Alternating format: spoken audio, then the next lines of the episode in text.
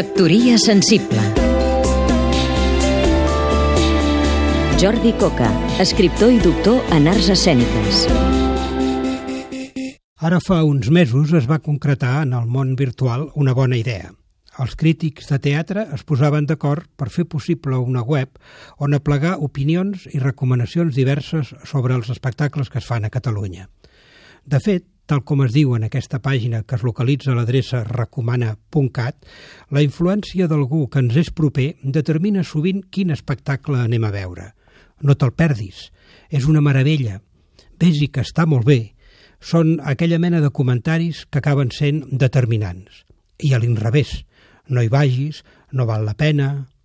Doncs ara, quan la premsa de paper dedica cada vegada menys espai a la crítica no únicament de teatre, sinó a la cultura en general, i ens fa perdre el temps amb tripijocs mafiosos dels polítics, cosa que no té res a veure amb la noble activitat de la política, ara una bona colla de crítics del món de l'espectacle ens ofereixen opinions, informacions i referents fiables per valorar com cal les arts escèniques del nostre país. De fet, L'exercici de la crítica és imprescindible. La crítica, tant si és bona com dolenta, és una part essencial del procés que transforma un acte de creació en un fet artístic i cultural. Però la crítica també és un servei que ens orienta en la cartellera i que ens ofereix la informació privilegiada que necessitem. Benvinguda, doncs, aquesta iniciativa dels crítics. Recomana.cat.